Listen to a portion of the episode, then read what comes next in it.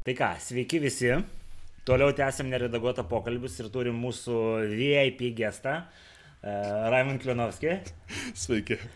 Šiandien e, bus išimtis, e, epizodas, kuris jau trečią ir ketvirtą mėnesį yra tik Patreon ir nariam, šiandien jis bus atviras visiems, nes, nu, manau, laiks nuo laiko platesnė Lenkijos apžvalga visiems yra naudinga informacija, bet to su unikaliu turiniu reikia susipažinti. Tai Raimund, mes etatiškai šnekamės apie tai, kas vyko praeitą mėnesį Lenkijoje ir tamsta man minėjai, kad mėnesis buvo derlingas. Tai nuo ko pradėjai? Tik, tikrai taip.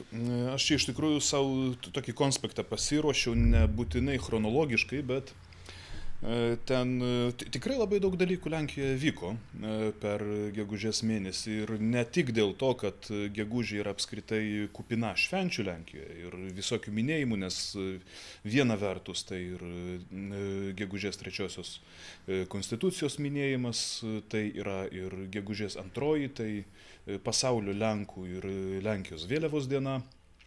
Tai e, tą progą beje buvo Vilniuje susitikimas e, Lenkijos premjero Mateušo Moravieckio su Lietuvos ministrė pirmininkė Ingrida Šimonytė. E, kaip tik čia, Lenkų kultūros namuose, kur mes ir filmuojame. Ir tikrai vyko labai daug, bet vyko ir tikrai neblogų dalykų. Pradėsim nuo gerų ar nuo blogų? Manau, čia šiek tiek ir gerų yra, ir, ir mažiau gerų, šiek tiek išmaišyta tikriausiai yra. Tai paskutinės savaitės toks gana svarbus įvykis, tai e, buvo e, ne viešosios, tai yra na, pri, privačios iš esmės aukštosios mokyklos kolegium intermarium paleidimas. Ja organizavo žinoma teisininkų mm, asociacija Ordo Juris. E, tai konservatyvių iš esmės tradicionalistų teisininkų e, susivienimas, kuris E, turi beje savo dabar ir atstovybę Briuselėje, ten buvo visokių istorijų, Lenkijos leftistai Briuselėje, ten apie juos paskleidė visokius feikus, tai jiems nuomos sutartį buvo e, nutraukę, teko kitur kraustytis, ten visokių istorijų buvo. Nu ir dabar jie vat e, Varšuvoje sukuria privačią aukštąją mokyklą, kur iš pradžių, kiek žiūrėjau, galima bus studijuoti dieninės, testinės penkių metų teisės studijas, tai yra iki magistro laipsnio, e, po diplominės e, teisės studijas ir kažkur. E, tai kaip skaitosi teisės magistro studijas ten susijusias su žmogaus teisėmis ir po diplominės kažkokias irgi teisės susijusias teisės studijas, bet jau tokias papildančias, tai kas jau turi teisės magistrantūrą, tas galės ten studijuoti dar ir papildomai. Aišku, studijos mokamos, e, kiek žiūrėjau, nu, tai ir visai nepigiai, nes ten nuo 2000 eurų už metus atrodo prasideda. O tai čia kontekste, tasme, Lenkijoje visos mokyklos yra viešos, kad čia privati iniciatyva yra kažkas tokio naujo? E, nu, ta prasme, Lenkijoje dauguma universitetų tai yra viešos aukštos mokyklos, tai jos yra finansuojamos valstybės. E, tai ne, negalima, aišku, tiesiogiai pasakyti, kad tai yra valstybiniai universitetai. Nes yra autonomija ten. Nes yra autonomija ir netgi iki tokio laipsnio, kad į universiteto teritoriją negali valstybinė policija užeiti be rektoriaus leidimo. O tai universitetai turi vietinę universitetų policiją? Nu, ten, e, tu, Dėrėtis? Nu, ten turi savo įvairią tvarką ir tvarkos tarnybas ir taip toliau. Tai e, aišku, tas yra įvairiai, nes pavyzdžiui, Varšuvoje, kur yra studentų bendrabučiai, nu, tai tai nėra tiesiogiai universiteto kampusas, nu, tai e, ten normaliai gali policija atvažiuoti ir e, kai kur kitur yra sudaromos sutartys su miesto sargyba, nes Lenkijoje apart policijos yra dar ir miesto sargyba, kuri irgi turi mėlynų šviturėlių ten mašinas. O kas jos per kita. funkcijos miesto sargybos, žodžiu, tarnybos? A, nu, iš esmės bausti už parkavimą ir šiaip būti nekenčiamiems žmonių. Mm. Lenkijoje vat, policija nėra tiek nekenčiama, kiek miestų sargyba yra. Ir, na, čia šito gal aš ne, ne, nesiplėsiu, bet to, tokia yra, vat, tokie dalykai dedasi. Uh, Tai ir šiaip viešose, ar, arba ne tik, nu, bet viešose tose aukštose mokyklose studijos dieninės yra nemokamos. visiems studentams. Kai yra... Stu... Leftistų džiaugsmai. Daugumoje taip, nes vat, tai ir yra priežastis, kodėl buvo sukurta dabar privati aukštoji mokykla, kurioje, kaip organizatoriai pabrėžia, būtų akademinė laisvė apskritai. Nes vieš, viešose aukštosiuose mokyklose yra ta problema, kad yra tikrai netgi įsišėlioja leftistai. Varšuvos universitete prieš mėnesį ar du pasakojau apie tai, kaip vienas doktorantų ten dirbantis kartu ir universitete buvo e, melagingai apkaltintas iš prievartavimų. Ir leftistai ten pasiekė tą, kad netgi ir fakulteto studentų savivalda buvo išvaikyta, nors jie ten nieko bendro su tuo žmogumi neturėjo, tik savivaldos pirmininkas kažkokioje nuotraukoje Facebook'e buvo vienoje nuotraukoje su tuo apkaltintoju. Tai e, studentų savivalda ten išvaikė, nes e, universitetų valdžia kartais bijo e, viso šito cancel culture gaujostos, o kita vertus kartais ir palaiko. Ir dėl to yra ir tokių dalykų, kaip irgi čia pasakojau ankstesniuose epizoduose, kaip Katovicų universitete viena dėstytoja buvo suspenduota apskritai dėl to, kad e, pasakojo e, per, aš neprisimenu, e, kokį dalyką įdėsto, bet ten pasakojo, įvair, kaip įvairiose kultūrose yra suprantama šeima. Ir kai jį papasakojo, kaip, kokia yra šeimos samprata pagal katalikybę konkrečiai, tai studentai parašė prieš ją skundą ir ji buvo suspenduota. E, pa, pačios netgi fakulteto valdžia nebuvo išklausiusi. Tai e, ne, e, tie dalykai yra šiaip neteisėti tokie, nes yra procedūra, pagal kurią turėjo vykti visas to dalyko svarstymas. Varšuvos universitete leftistai pasiekė, kad vienas studentas irgi buvo suspenduotas ten už savo politinę veiklą ne universitete. Tai ten Nu, aš, aš jį pažįstu, su juo daugumoje, dauguma klausimų nesutinku. Šiaip jis mane ir apšikinėja internete, bet nu, faktas tas, kad tokie dalykai neturėtų vykti. Aišku. A, tai, nu ir aišku, leftistai vėl čia labai apsipyko, kad kaip čia galima, to, to, kaip čia apskritai Europos valstybė galima leisti to, tokį univer, universitetą kurti ir taip toliau.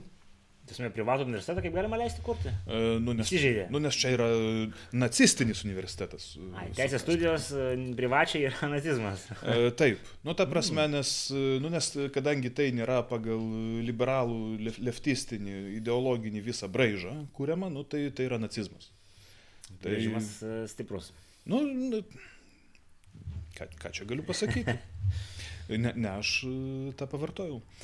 E, tai šiaip gegužė buvo pristatyta nauja lenkiška tvarka. Tai yra dabartinės vyriausybės pristatyta programa, tokia tikrai pla, plačiai nubrieštų reformų ir mokesčių sistemos, ir socialin, socialinės apskritai globos sistemos ir taip toliau. Ir kas yra svarbu, po to pasirašė ir didelė dalis opozicijos. Tai e, nauja... Varšuvos meras? E, ne, Varšuvos meras ne, jis yra užimtas kitą savo iniciatyvą. E, Varšuvos meras... Aš turiu minėti politinę jėgą.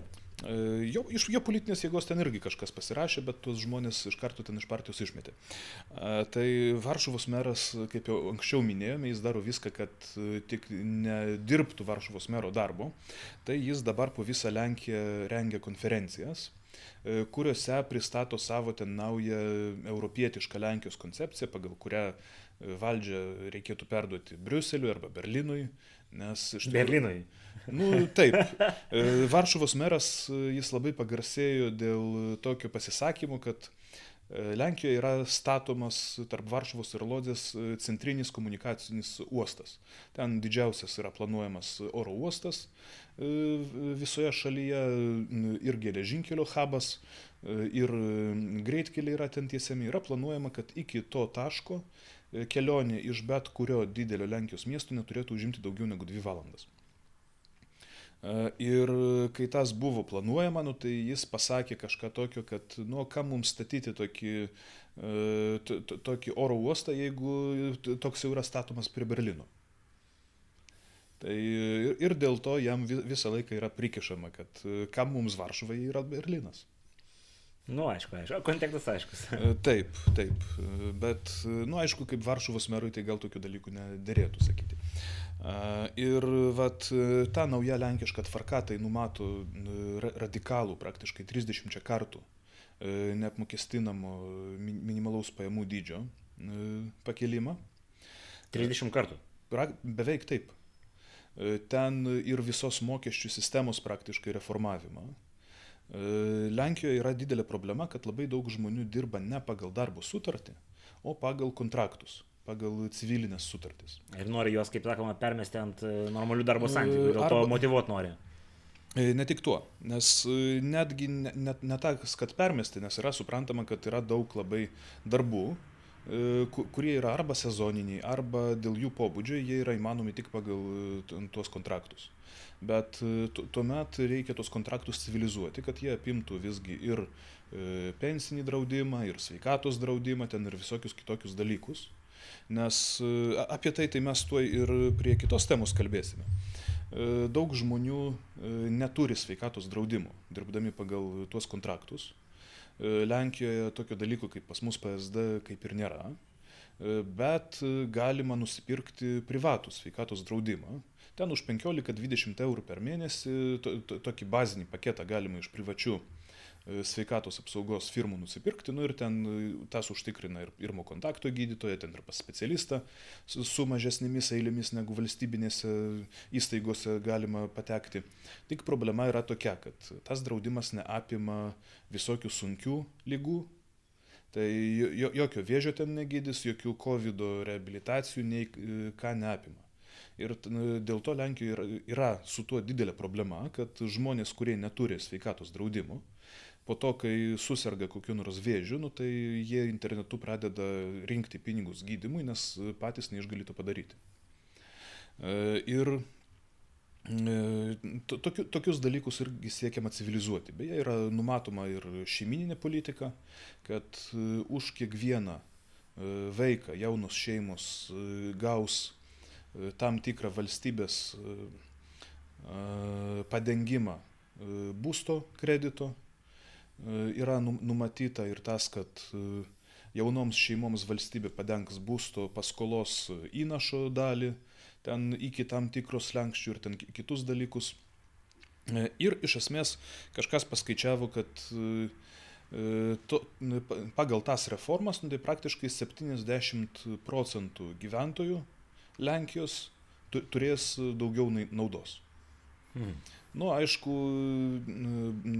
yra numatytas ir e, didžiųjų prekybos centrų apmokestinimas. E, kelis metus tą blokavo Europos komisija, bet galiausiai Lenkija laimėjo tą bylą. E, bus tikriausiai įvestas ir tas skaitmininės reklamos mokestis, ir kitokie tokie mokesčiai. Žodžiu, Facebookas atjungs Lenkiją.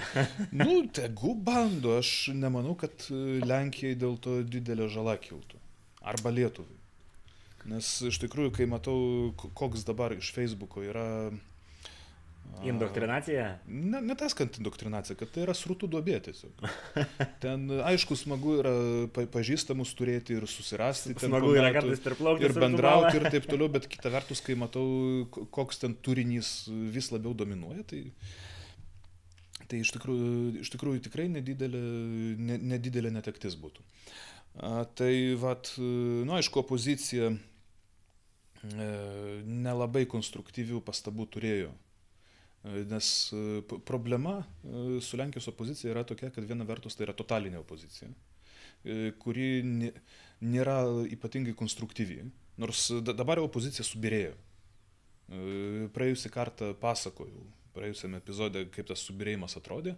Nu, tai dabar byra vis labiau, gegužė išmetė ten dar kelis Seimo narius iš piliečių platformos partijos, E, ir apie tai, kad juos apskritai ten svarstė ir išmetė, jie sužinojo Twitter'yje. E, tai opozicija, vienas pažįstamas sako, kad problema yra tokia, kad tai nėra totalinė opozicija, kad tai yra fatalinė opozicija, nes kiekvienai valstybė opozicija yra reikalinga, bet kad ji būtų normali, konstruktyvi, kažką siūlytų.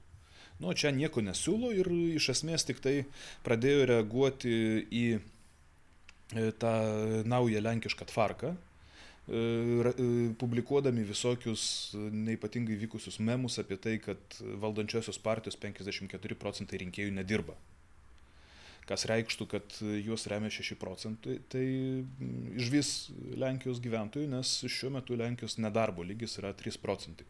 Vis dar jau trečią mėnesį iš eilės žemiausias Europos Sąjungoje. E, tai E, vat, apie naują lenkišką tvarką, dėl ko labai apgailestauju Lietuvos spaudoje niekur jokių apskritai informacijų nemačiau. Tai tikrai yra labai įdomus projektas, e, nes... Gal dėl to, kad jisai yra šiek tiek į kairę ekonomiškai orientuotas, gal dėl to mūsiškai nelabai nori. Tai sunku pasakyti, bet mesgi dešinių medijų irgi neturim. Na, nu, mes turim Ne, nesakykim to žodžio. Ta, tas medijas. Taip, šiaip iš gerų naujienų, tai Lenkai, kurie gyvena Vokietijoje ir Prancūzijoje, jie vyksta į Lenkiją skiepytis. Nes Prancūzijoje ir Vokietijoje ten yra, kaip skaitau e, iš jų Twitterių, pavyzdžiui, tų žmonių, kurie ten e, važiuoja, tai ten yra toks bardakas, kad e, neįmanoma yra žmogui 40 mečiui, tarkime, sužinoti netgi kada jis apskritai turės galimybę pasiskiepyti. Jau nekalbant apie užsiregistravimą kokį nors, nes elektroninės registracijos nėra kaip Lenkijoje ar Lietuvoje beje. Mes tikrai irgi puikia labai sistemą turime ir lyginant su taip vadinama senaja Europą, tikrai turime kuo, kuo didžiuotis. Tai, tai yra tikrai ir pas mus yra gera sistema, Lenkijos sistema, tai E, gyrėsi, kad yra geriausia Europoje, aš dėl to visiškai nebejoju, tai, nors skiepiausi Lietuvoje.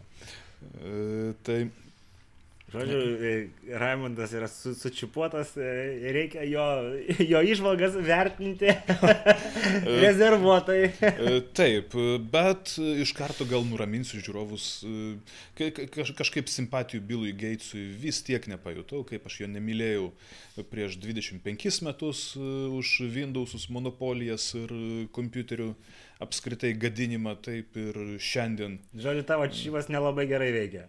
Ką žinau, gal, gal, gal brokuotas. Ką Aišku. padarysi?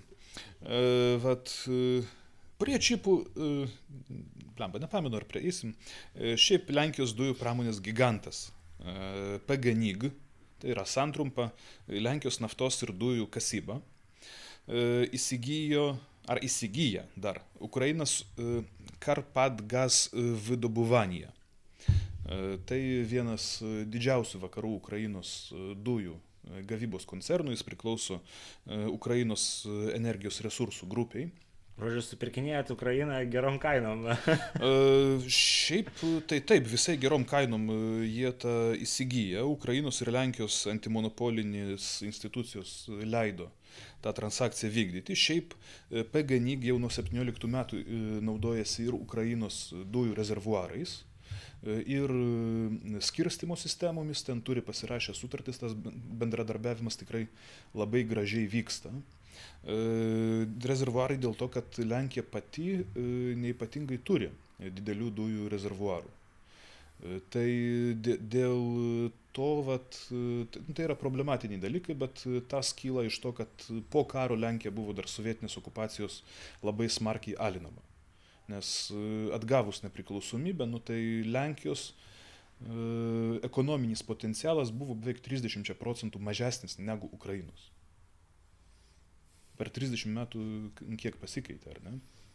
Bet tai čia kodėl sovietiniais laikais Lenkus taip e, smogė, žodžiu, kad nesustiprėtų ir ne, nepakeltų galvos, ar čia kažkokiu kitų? E, na, vienas, e, vienok dėl to, kita vertus, tai... Buvo... Nes, kaip mes žinom, sovietai mėgo tose naujose valstybėse pritrauktuose statyti ten visokius objektus, ir pas mus pristatė yra... Ne, nu tai pristatė, bet jiegi ne mums tą statė. Mažai, nu, taip, tai, pavyzdžiui, pastatė tam, kad būtų ko į sovietinius tankus var, varančius užgrobti vakarų užpilti. Tai čia jokia dovana mums nebuvo.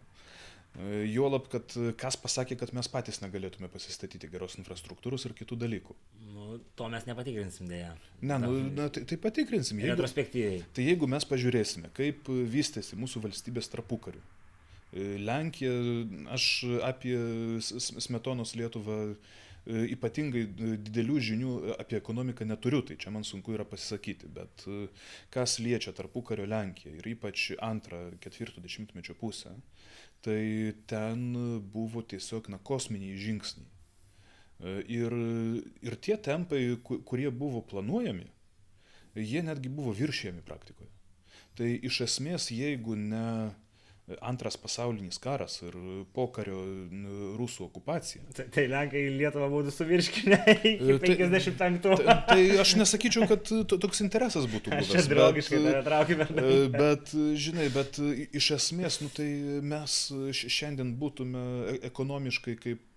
Vokietija. Nu, geriau negu Vokietija. Nes e, Vokietija, jeigu ne antras pasaulinis karas, e, nu, tai ir po jo atėjęs maršalo planas ir didžiulės milžiniškos investicijos. E, plus tie dalykai, kurių jie prigrobė, tai vėlgi iš Lenkijos, iš Čekijos ten ir regionų, ir kurių negražino. Tai Vokietija šiandien būtų kaip nelyginant Ukrainą galbūt. Lenkija būtų kaip koks nors, nu ką žinau, nu, kaip, kaip koks nors Taivanas ekonomiškai, pagal išsivystymą, kaip Pietų Koreja. Tai... Čia, klausyk, beveik e, scenarius fantastinė filmai e, būtų galima parašyti. Kas būtų buvę, jeigu būtų nebuvę antro pasaulinio karo? Nu, galima, bet nu, iš, esmės nu, šitą mes ir, ir matėme. E, vieno, kaip tik Vilniečio, tokių ir reporterio, rašytojo Melchior Vankovič knyga Štafeta, estafetė. Ji buvo parašyta kaip tik apie 20 metų nepriklausomos Lenkijos raidos, išleista 38 metais. Tai to, tokio storio plyta yra ir kaip audiobukas išleista. Tai iš esmės ten jis tą viską aprašo. 18 metais Lenkijos 40 procentų gyventojų nemokėjo rašyti ir skaityti. 4 milijonai žmonių gyveno negyvenamos paskirties pastatuose. Vištydėse, arklydėse, ten ir taip toliau, nes pirmas pasaulinis karas irgi labai buvo valstybė nu, nušlavęs. E, trys skirtingi, gele, skirtingos geležinkelių sistemos, skirtingi bėgių pločiai, penkios skirtingos teisinės sistemos e, trys valiutų sistemos vyravo ir taip toliau. Tai E, trečdalį šalies e, atgavus nepriklausomybę e, buvo kairė, kairės juostos eismas keliuose. Tai iš, iš esmės pradžia, kokia buvo 18 metais, tai baisu pagalvoti. O 38 metais tai buvo stipri, moderni, tik, tikrai vis, pagal visas prasmes stipri valstybė. Čia aišku atskiros temos reikalaujantis pašnekesis, bet tada iškilo tas esminis klausimas, kodėl Kodėl nebuvo pasipriešinta deramai agresoriui? Ar čia tik tai tie du frontai, ta prasme, buvo tas esminis dalykas, ar kažkas kitas? Aišku, čia mes galėtume kažką ten, atskirai. Ten, ten buvo keletas tokių dalykų, apie tą atskirai galima būtų kalbėti, nu, bet iš esmės nu, tai vienas dalykas du frontai, kitas dalykas, kad užsienio politikoje tikrai buvo padarytos klaidos, e, vidaus e, politikoje, kas liečia karinius pirkimus, irgi buvo e, padaryta ir klaidų, ir ten būta korupcijos ir visokių kitokių skandalų. E, ir, nes iš esmės visa Lenkijos gynyba buvo orientuojama į e, gynybą nuo sovietų. Ir tas buvo nepajėgu tiesiog gintis prieš Vokietijos kariuomenę, kuri iš principo buvo labai skirtinga. Jau nekalbant apie tai, kad E, buvo tikrai nuoširdžiai patikėta prancūzų ir britų garantijomis, kad jei Nepuls. užpuls Vokietiją, tai jie irgi puls Vokietiją ten ir taip toliau. Nu, ir ten e, tikrai buvo daug priežasčių, dėl ko 39 metų e, rugsėjais baigėsi Lenkams tragiškai. Nors iš tikrųjų tai irgi visai neprivalėjo taip būti. Tai iš esmės, vat, grįžkim gal prie taip, taip, taip. tos Lenkijos naftos ir dujų kasybos. Yra planuojama, kad tas koncernas jungsis su Orlen apskritai. Tai yra su tuo metu, šiuo metu didžiausia ir vienintelė Lenkijos petrochemijos pramonės įmonė, nes Orlen šiuo metu jungiasi su Lotos. Lenkijoje buvo du petrocheminiai koncernai, kas irgi buvo gana absurdiška, nes nu, tai yra potencialo skaldimas. Ir kita vertus, tas reiškia, kad,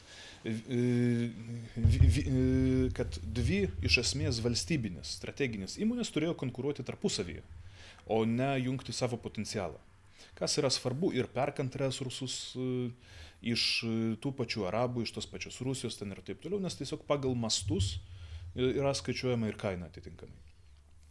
Ir aišku, tas susijungimas labai garsiai protestuojamas buvo, ypač opozicijos, dėl to, kad Lotos yra pajūryje, jis susijęs su Gdansku, ten su vietos struktūromis, politikais ir ten iš, iš esmės, kaip galima paskaityti Lenkijos spaudoje, nu, tai praktiškai Lotosas tai buvo jų šerikla. Mhm. Visos partijos. O dabar, kadangi jungiasi ir ten jau bus visiškai kitokia ir Čia kurios, kurios partijos? Piliečių platformos. Nors ten pajūrio ta visa vietos mafijinė struktūra, tai ne, ne vien tik su partija yra susijusi. Tai kas šiaip liečia pajūrį, tai e, kaip, kaip žinoma, e, pajūryje e, prieš 40 metų prasidėjo solidarumo judėjimas. Tai didžiausias Lenkijos buvo, didžiausia Lenkijos buvo šita. Mm, profsąjunga. Profsąjunga. E, sovietmečiu ir iš esmės e, jį komunizmą ir nuvertė. Tai ta proga solidarumas ant e, Gdainsko laivų statyklos, laivų gamyklos, tvoros, prie kurios viskas ir prasidėjo, pakabino plakatus, kur buvo ten ir Jono Pauliaus antrojo šventojo citatos, ir, nu, nu šiaip iškilmingi plakatai, ten jokios politikos. Nu, tai Gdainsko merė nubaudė juos 50 tūkstančių zlotų bauda už, už tos plakatus. Nes, Iš kokios partijos merė irgi man aišku. Taip, ne, ne, nes uždengė medžius. Tai oficialus pretekstas. Tai, tai šitą palikim be komentaro, o grįžtant prie PGNIG ir Orlen susijungimo, nu, tai yra planuojamas apskrit, planuojama apskritai labai galinga tokia Lenkijos energetinė grupė, nes yra numatoma ne tik e, konsoliduoti visą energetiką valstybės, bet ir ją transformuoti, e, einant žaliosios transformacijos keliu. Tai yra šiuo metu jau e, Orlen degalinėse, vakarų Lenkijoje, keletą degalinių kol kas tiesa.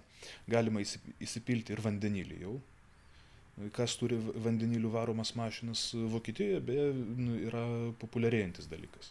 Ir tas yra žymiai ekologiškiau negu elektrinės, nes akumuliatorius po to utilizuoti ir gaminti nu, tai yra e, tik, tikrai nelabai žalias dalykas. Nu, bet ten irgi, man atrodo, su vandeniliu yra problemų, tengi spaudimas, ten sprogimai potencialus, ar tie dalykai, aš aišku, čia nukrypsiu nuo temos, bet ar, ar, ar, ar tai jau yra tas neišspręsti dalykai? Manau, kad e, jie yra sprendžiami kažkaip. Mm. Nesu ekspertas, čia aš ne, nenorėčiau primeluoti, nenorėčiau okay. E, pasisakyti apie dalykus, apie kuriuos e, ne, neipatingai išmanau, ką nors. Tai ir tas koncernas tai bus pagrindinis tokios lenkiškos žaliosios transformacijos variklių, kaip tik orientuojantis į vandenilį, į vėjo jėgainės, kaip tik Orlen su PGE, tai Lenkijos energetikos grupe stato dabar offshore'inės vėjo jėgainės e, jūroje. E, Baltijos jūroje. Taip, hmm. gavo tam leidimus, e, nes tai yra pirmiausia racionali žalioji transformacija.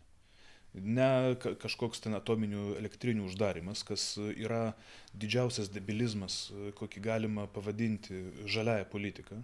Nes atominė energetika tai yra žaliausia iš tikrųjų energetika. Nu, kol nesproksta. E, tai o sproksta, o nesproksta, kol nesusprogdina. Tai ir, ir dėl to e, tas pats Astravas yra nesaugus. Ir mes jo nenorime, o ne dėl to, kad tai yra atominė elektrinė. Mes nenorime atominės elektrinės, kurią valdo psichai. Ir, ir teroristai. Nes ką reikia pasakyti, Rusija yra teroristinė valstybė, kuri per paskutinį dešimtmetį Europoje įvykdė daugiau teroro aktų negu Hamas e, ar Al-Qaeda. Čia tokie skaičiai kažkur yra paskaičiuoti. Ne, nu, analitikų. ne, nu tai galim paskaičiuoti, kiek radiologinių atakų įvykdė Hamas ar Al-Qaeda. Ne, nu Nei tai- vienos. Kiek cheminių, che- cheminiais ginklais atakų įvykdė Hamas ar Al-Qaeda. Nei vienos. Kiek amunicijos sandėlių susprogdino Hamas ar Al-Qaeda. Nu irgi nei vieno.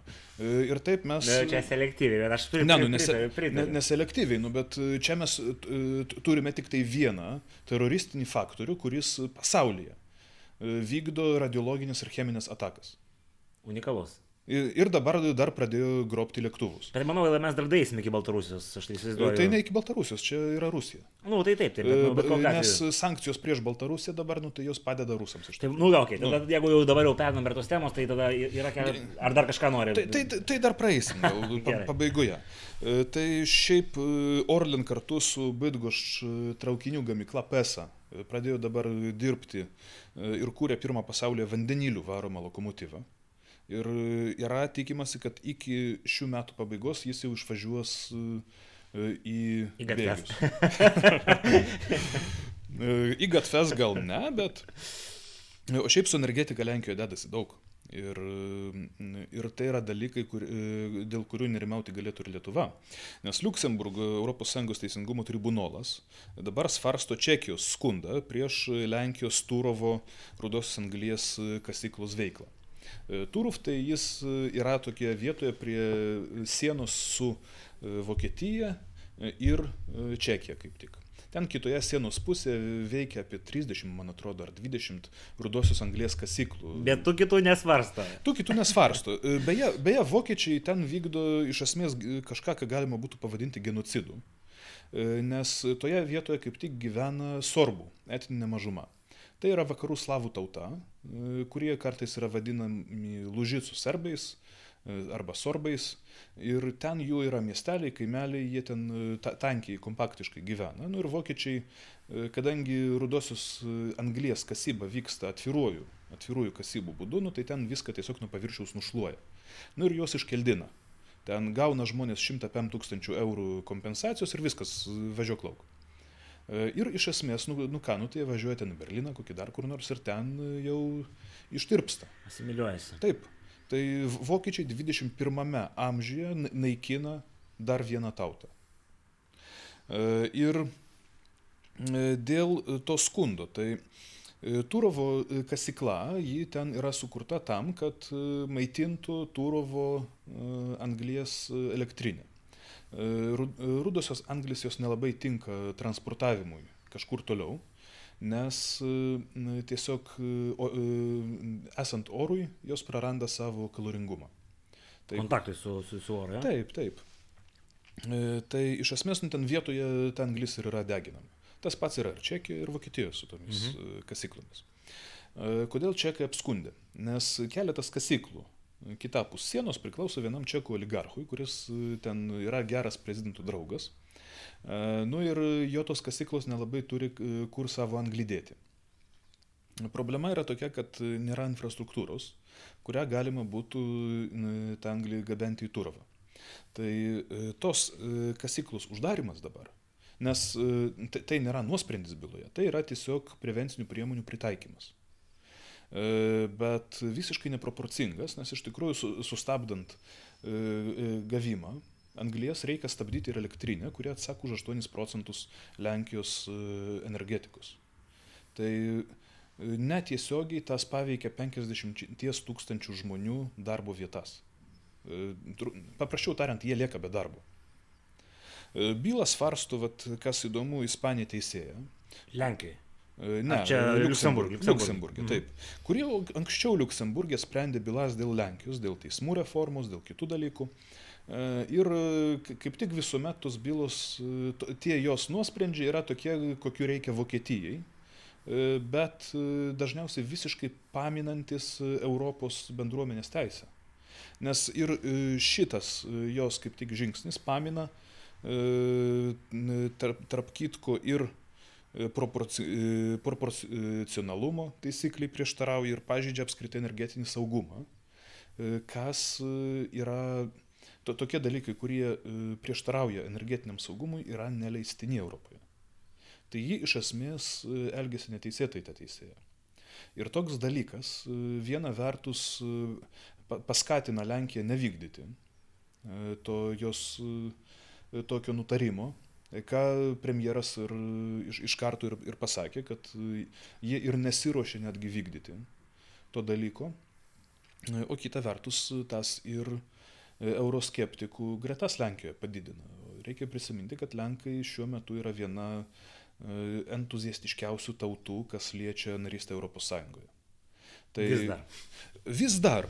Ir tas yra stebuklas, nes iš tikrųjų ES struktūros ir biurokratija daro viską, e, kad e, tą apskritai pamintų. E, ir aišku, totalinė opozicija iš karto pradėjo reikalauti nedelsint uždaryti tą elektrinę.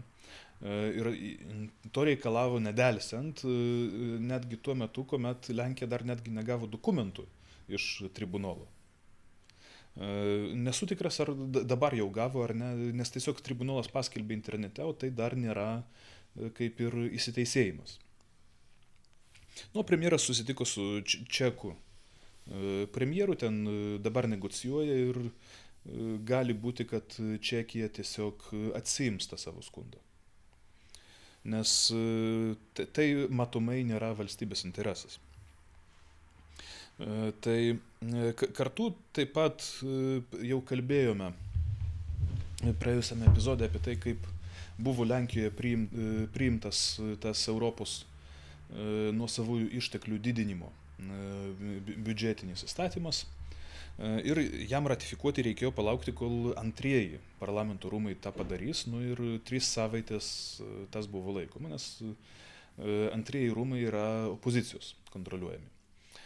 Nu ir iš esmės tris savaitės jie tą laikė, svarstė preambulę, galiausiai be preambulės visgi be e, pakeitimų priėmė. Nes e, vienas opozicijos senatorių e, užsirakino tualete, o kitas pasiklydo lifte. Taip, tai, taip yra rašoma, aš, man, man sunku čia kažką pasakyti. Ir viena totaliniai opozicijai priklausanti europarlamentarė e, nori paduoti į teismą Europos komisiją už tai, kad e, ji netaiko Lenkijos atžvilgių sankcijų. Taip. Sąjungininkai iš vidaus. taip, taip. A, tai vat iš tokių, mes čia apie energetiką jau kalbėjom. Pam, pam, pam, pam. Ir va, vėlgi prie opozicijos, kadangi liekam, tai Varšuvos meras paskelbė Alėja Jeruzalimskė susiaurinimo planą. Alėja Jeruzalimskė tai yra viena centrinių Varšuvos gatvių. Nu ir jie nu, nu ir sugalvojo kartu su miesto aktyvistais jas susiaurinti iki vienos eismo juostos. Iki vienos eismo juostos. Iki vienos eismo juostos. Tai vat, Vilniečiai mūsų žiūrovai gali įsivaizduoti, kas būtų, jeigu iki vienos eismo juostos būtų susiaurinta geležinio vilko gatvė taip per analogiją. E, ir jis argumentuoja, kad tokiu būdu e, sumažins kamščius. Nes žmonės nebevažiuos tą, tą kryptim, žodžiu, žinodami e, situaciją. Taip, ir Varšuvoje apskritai yra didelė problema su eismo reguliavimu, nes ten visas eismo reguliavimo departamentas buvo perduotas taip vadinamiems miesto aktyvistams, fan, iš esmės fanatikams. E, kurie jau susiaurina kelias, e, susiaurino kelias centrinės gatves ir ten praktiškai visą dieną stovi kamščiai dabar. Tam išleido milijonus zlotų. E, buvo Varšuvos centre požeminė perėja po vienu judriausių po viena judriausių sankryžų, tai ją užbetonavo ir padarė ant žeminės pėsčiųjų perėjas. E, tai dabar ten vėlgi yra kamščiai ir pėstieji tiesiog miniomis stovi prie tos sankryžos. Čia prie garsiojo pastato, kurį padovanojo sovietai Lenkam. E, taip. E, padovanojo už Lenkų pinigus ir statant Lenkų darbininkams.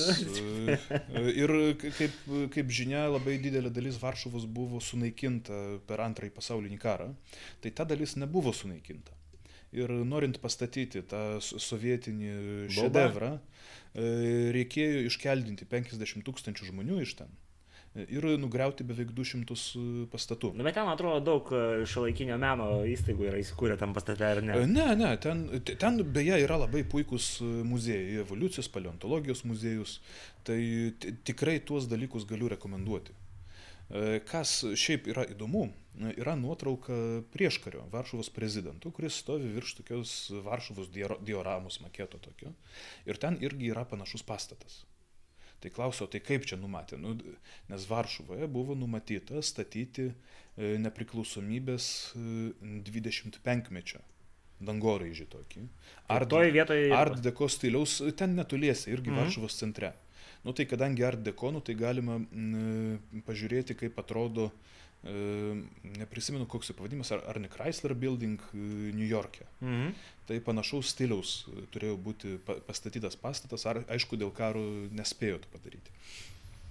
Tai o Varšuvos infra, infrastruktūros, taip grįžtant, nu, tai ak, tie aktyvistai, kurie dabar perėmė priešiškai eismo departamentą, tai pavyzdžiui, centrinėme Varšuvos E, tilte pastatė fotoradarus, sunaikindami apskritai ir tilto ten apdailą. O tiltas yra e, kultūros e, vertybė. Nu tai jie netgi iki kultūros vertybių naikinimo ne, ne, nebijo ten lie, nu, nueiti, kad tik savo politiką vykdytų. Nu, jie progresyviai tobulina Varšuvą. Nu taip. Ir šiaip ne tik kelių infrastruktūra Varšuvoje kenčia, jau virš 30 kartų į Vyslą buvo nuleidžiamos neišvalytos komunalinės nuotekos per lietaus kolektorius. Apskritai normos leidžia maksimaliai 10 kartų per metus kažką tokio padaryti ir tik ypatingais atvejais. Bet kadangi nei prezidentas, nei nieks jo aplinkoje visiškai nieko nenutokia apie uh, komunalinių atliekų tvarkymą, apie šiukšlių tvarkymą, apie apskritai nieko, nu, tai ten tokios nesąmonės ir vyksta. Nuotekų valyklos baigia užsilenkti. Šiukšles beje iš Varšuvos po visą Lenkiją išvežioja, nes taip šiukšlių tvarkymo politika, komunalinių atliekų tvarkymo politika sutvarkė, kad vietos įmonėms, kurios turėjo vietoje visus ir perdirbimo, ir kitus pajėgumus, ten e, tiesiog nedavė tų kontraktų, davė saviškiams, bet iš kitų vaivadijų. Nu, tai kiekvienas, kiekviena šiukšliavežė veža e, tas atlikas po kelišimtus kilometrų už Varšuvos. Stipru. E, atšauktas buvo Serbijos ambasadorius Lenkijoje nes e, pasirašė labai piktą Lenkijos vyriausybės atžvilgių ambasadorių laišką apie LGBT. Čia, kaip žinia, kasmet e, prieš jų ten tas eisenas ambasadoriai rašo tokius laiškus. Nu ir šiemet, aišku, jis tas laiškas visus atkartojo fejkus apie LGBT free zones Lenkijoje, kurių nėra. Tai yra e, fejkas, vieno aktyvisto ten platinamas. E, Bet čia serbas pasirašė. Nu, Serbijos ambasadorius, taip. Serbija ir, ir pro-LGBT, sunku, sunku suvokti. Nu, e, ir kaip tik tas e, įvyko prieš premjerų susitikimą. Ir pasirodo, ambasadorius to su vyriausybė, su Belgradu nederino laiško pasirašymu. Tai iš tikrųjų reikėtų pasidomėti Lietuvoje, kaip su tuo yra. Nes beje, Lietuvos ambasadorius Lenkijoje irgi tos laiškus pasirašo kasmet. Tai... Nu, tai žinant e, mūsų tasme, užsienio reikalų ministerijos vadovybę ir jų trajektoriją, tai čia galbūt viskas nuoseklu yra. Nu ką žinau. E, šiaip e, prasidėjo diskusija apie mokesčių už telefonus ir kitus elektronikos įrenginius įvedimą. Lietuvoje mes jau turime tokį mokestį, tai yra Lenkijoje vadinama e, reprografinis mokestis, kuris skiriamas kaip kompensacija artistams, menininkams, visokiems už tai, kad e, naudodamiesi elektroniką savo mes galbūt e, voksime jų kūrybą.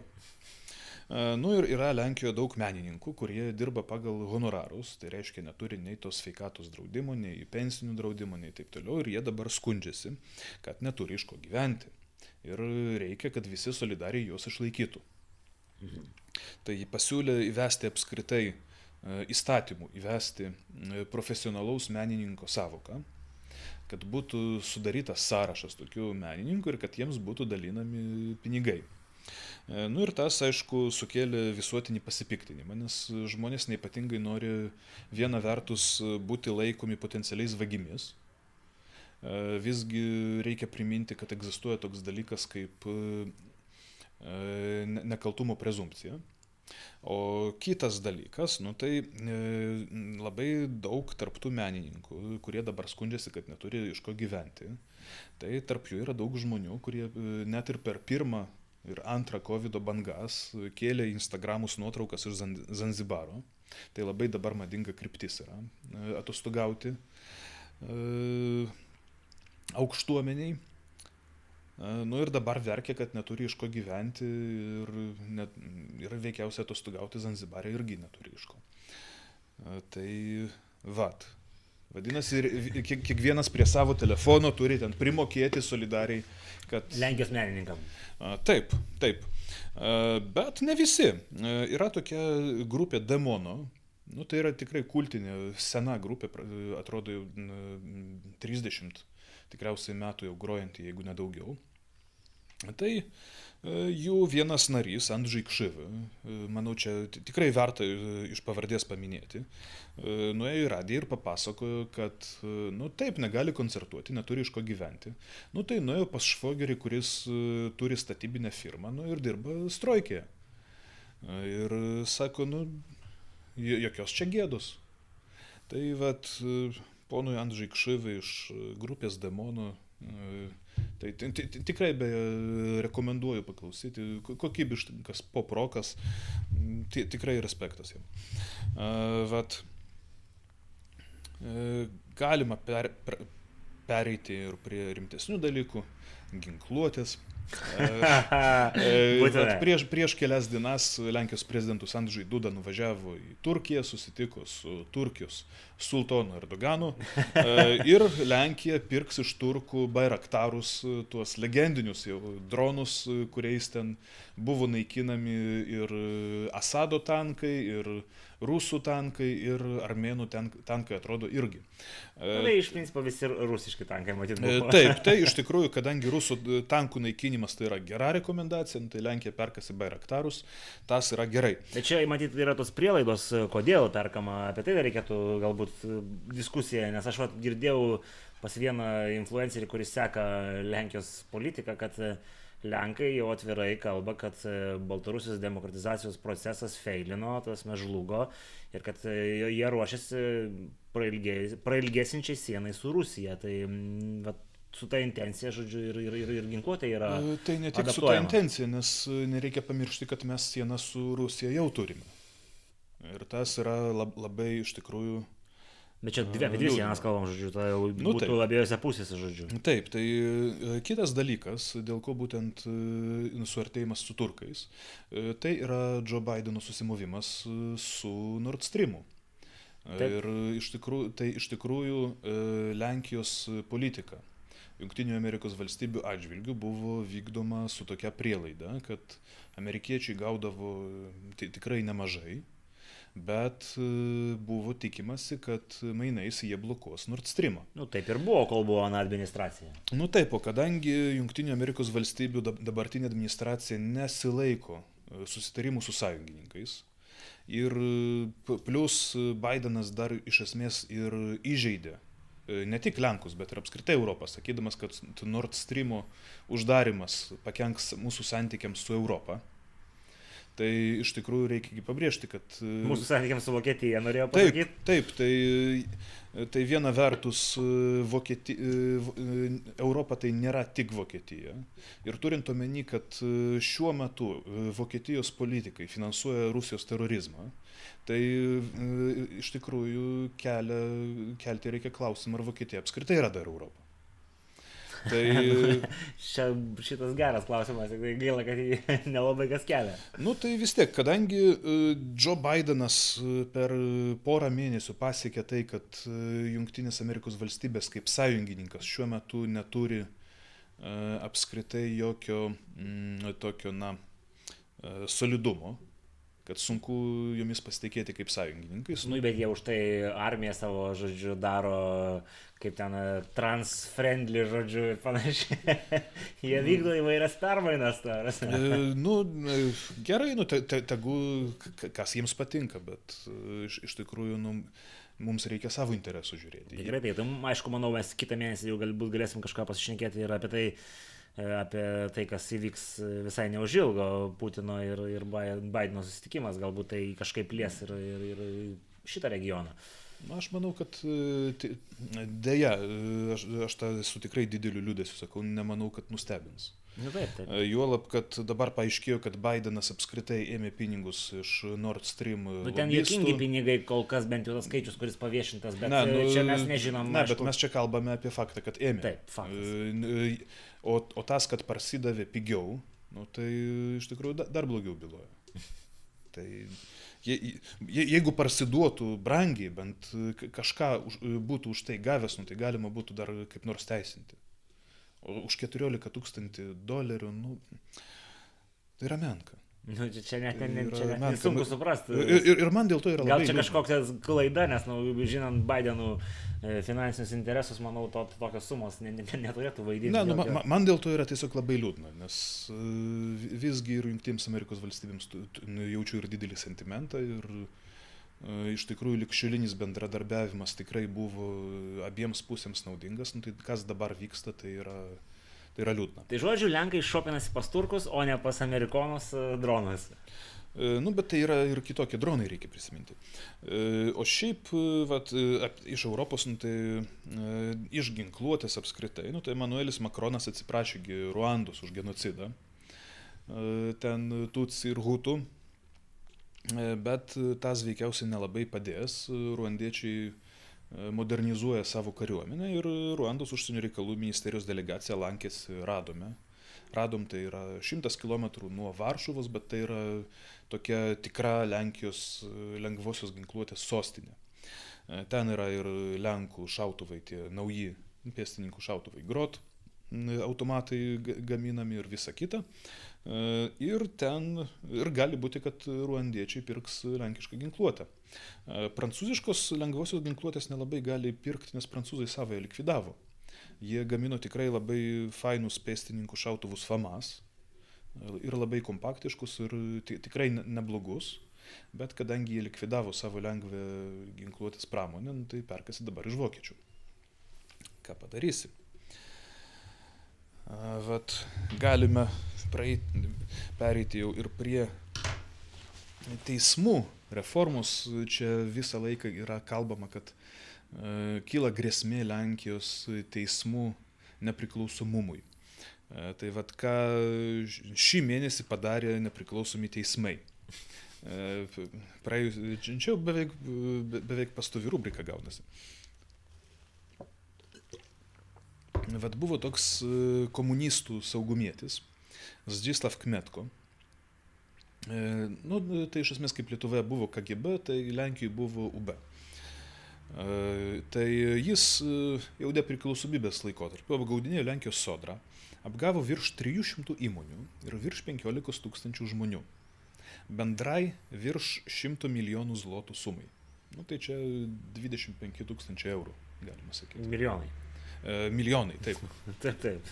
Aštuonis metus slapstėsi Šveicarijoje. Nu, buvo išsiustas e, e, arešto orderis, ten vyko ekstradicija ir taip toliau, prokuratūra jį suėmė.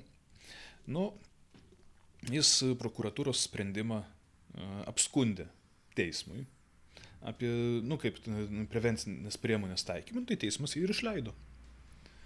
Nu, nu ir vėl reikės ieškoti dar. Tai vyko ir kitas teismas. Lenkijoje yra keletas tokių labai rezonansinių bylų ir viena tokių bylų buvo, kuomet antstolis, su antstoliais irgi yra be, beje problemų. Antstolis buvo kažkoks ūkininkas, kuris ten turėjo skolų.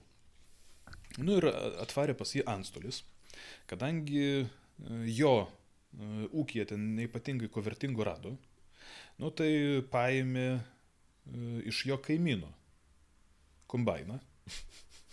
Ten ir, ir, ir jį pardavė, tą kombainą. Kaimyną. Kaimyną.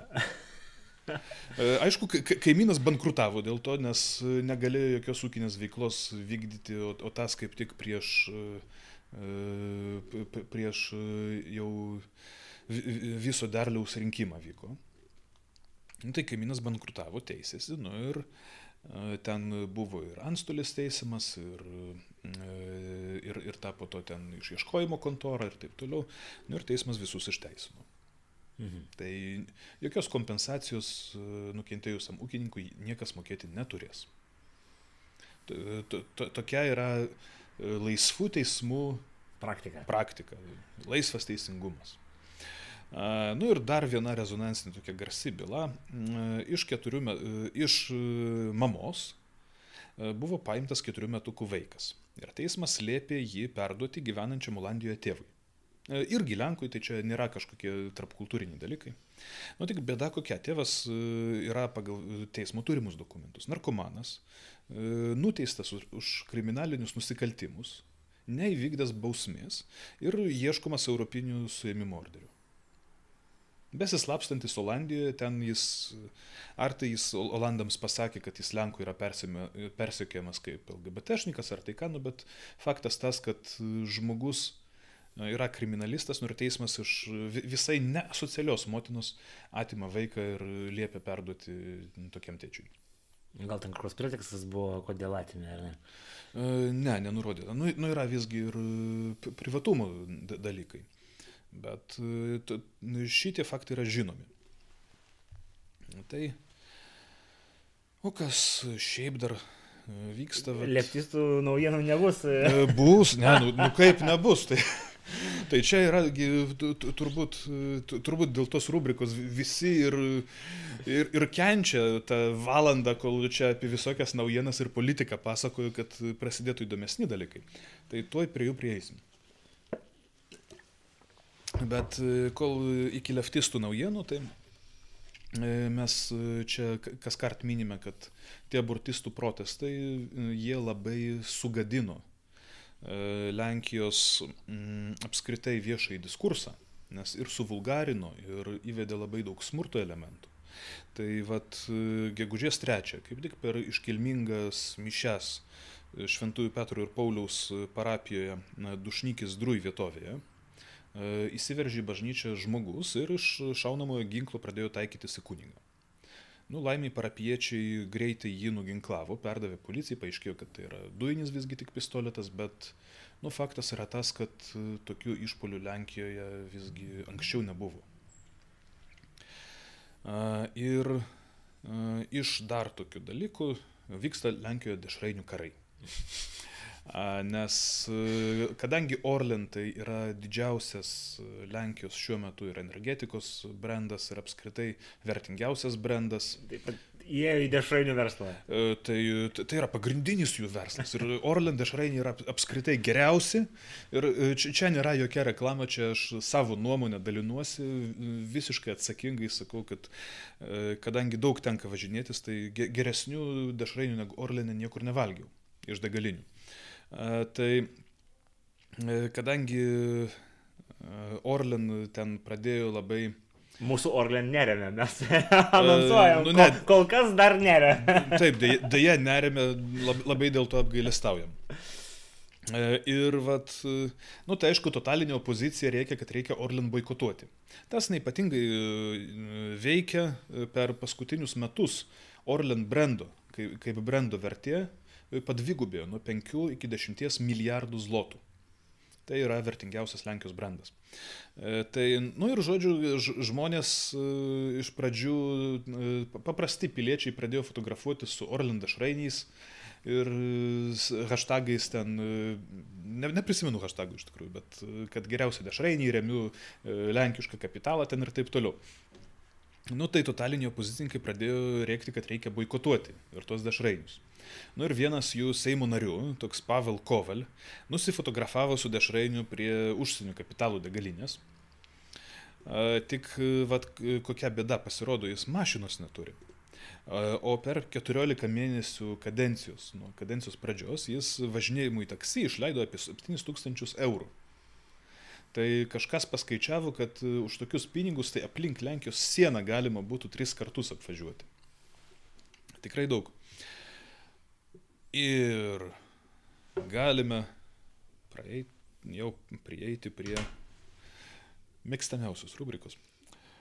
Vat, vienas tokių dalykų buvo, kad Lenkijos naujoji kairė paskelbė, jog renka progresyvių Wikipedininkų kolektyvą. Rengia mokyti, mokymus ir sieks keisti apskritai Wikipedijos turinį, kad jis nebūtų socialistofobiškas. Na nu ir Ta, aišku, jos greitai išjuokė kai kurie argumentuodami to, kad iš esmės Wikipedija jau ir taip yra leftistinė, tai ką jūs ten darysit. Bet kad iš tikrųjų Wikipedijoje organizuoti tie dalykai vyksta, nu, tai, tai nėra naujiena dar prieš 15 metų, prisimenu, mačiau anglakalbį Wikipedijoje, kokie ten editų kariai e, vyko, karai vyko kaip tik temose apie vidurio ir rytų Europą. Nu ir ten koks nors, e, kaip nekeista, vad, baltarusių tautininkas, trolis koks nors ten e, kažką keisdavo Lenkijoje, kad ne Vroclav, o Breslau. E, jam talkino rusas trolis, kuris rašydavo tik nuo 8 iki 4 po pietų Maskvos laikų ir savo profilyje gyrėsi, kad dirba FSB. Ir beje, Baltarusių trolis irgi darbo valandomis rašė. E, tai ir, ir ten tokie vat, įdomus dalykai vyko, tai kadangi tai, tai ir prieš 15 minučių, e, metų vyko, tai manau, kad ir šiuo laiku nieko tas nenustebino. Tai čia vadinasi neaišku, kas tos trolius finansuoja ir dabartinius būriamus, ar, ar čia tik tai hipotezė? Ne, čia aš visiškai nesieju, bet čia, čia tik tokių prisiminimų dalinuosi. Mhm. Vat, viena leftistė bandė tapti vienos pilies direktorė. E, Nacionalinių muziejaus, bet ir kultūros institucijos. E, nu ir sudalyvavo konkurse. Jo nelaimėjo.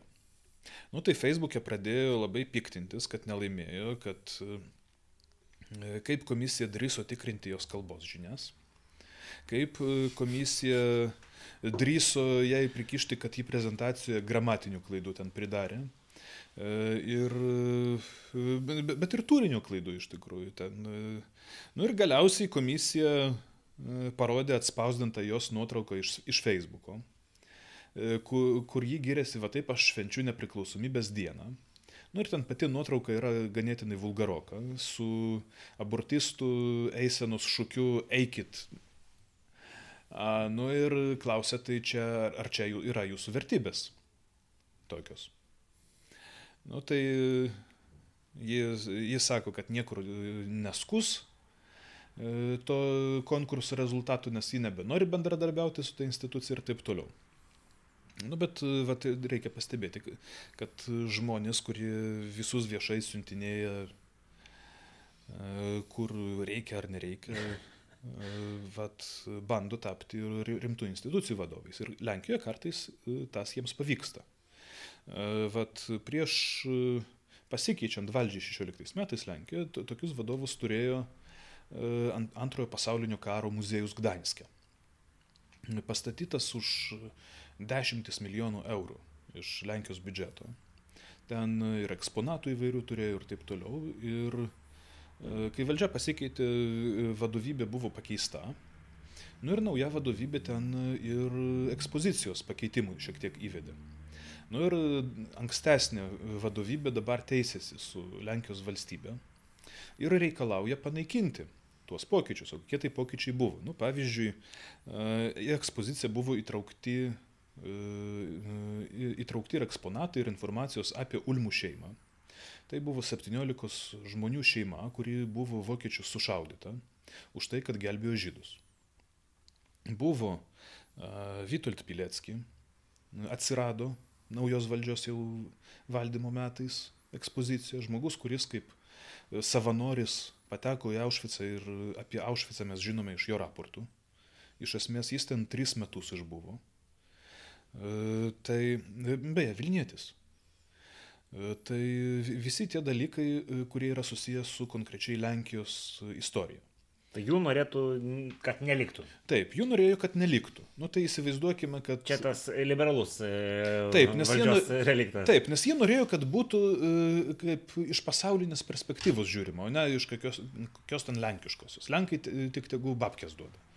Nu tai įsivaizduokime, vat Lietuvoje padarytume antrojo pasaulinio karo muziejų e, ir jame padarytume ekspoziciją apie Ivo Džymą, ten apie Pearl Harborą, apie e, Be- Berlyną, Reichstagą, ten dar kažką, bet nei žodžiu neu- neužsimintume apie trėmimus, pavyzdžiui. Apie, apie Sibirą, apie e, sovietinę okupaciją ten ir taip toliau. Tai, nu, Visi supranta. Nu, nu, tai tokie vat dalykai. O šiaip, e, šiaip Lenkijos leftistai dabar skundžiasi, kad e, yra e, la- labai nepasiturintis, yra bėdini.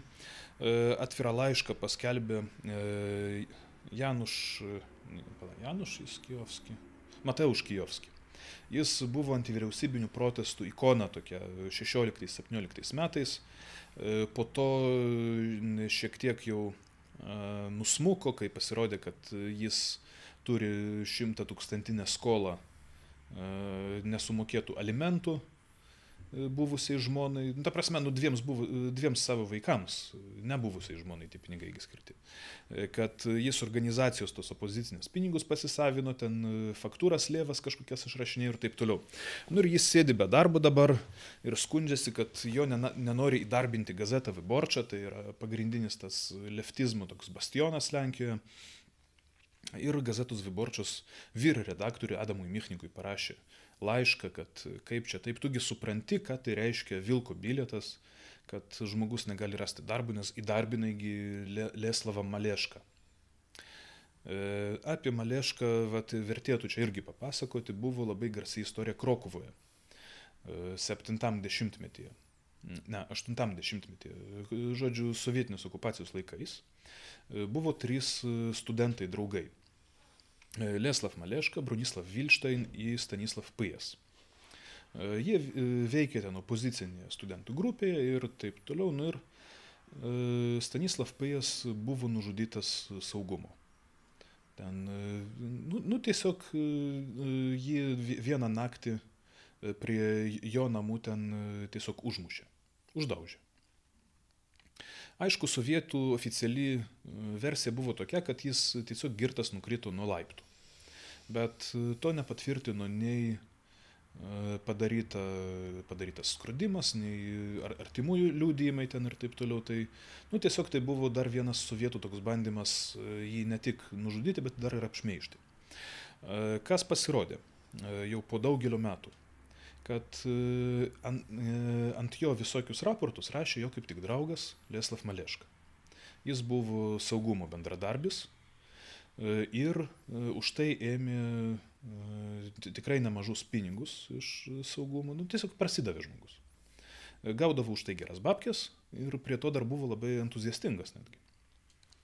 O trečias draugas Brunislav Vilštain tai buvo irgi žymus opozicininkas, jis ir šiuo metu yra labai įtakinga, labai gerbiama Lenkijos politikos figūra. Nu tai Leslav Maleška, jis dirbo kaip tik gazetą Viborčą su Michniku. E, Garsiausiai reikia, kad negalima vykdyti jokios iliustracijos.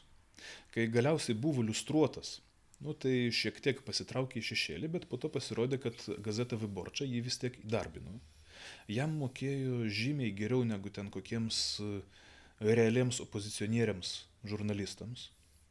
E, Ir tik kai tas buvo, jau e, kai tas paaiškėjo, nu praktiškai prieš dešimt metų gal kokiu tik tai, nu tai jie tą malešką atleido jau tada. E, Ir vad dabar, gegužės mėnesį, Gazeta Viborčia publikavo vėl straipsnį apie tai, kad Stanislav Pijas nebuvo nužudytas ir reikia liautis čia kurti legendą.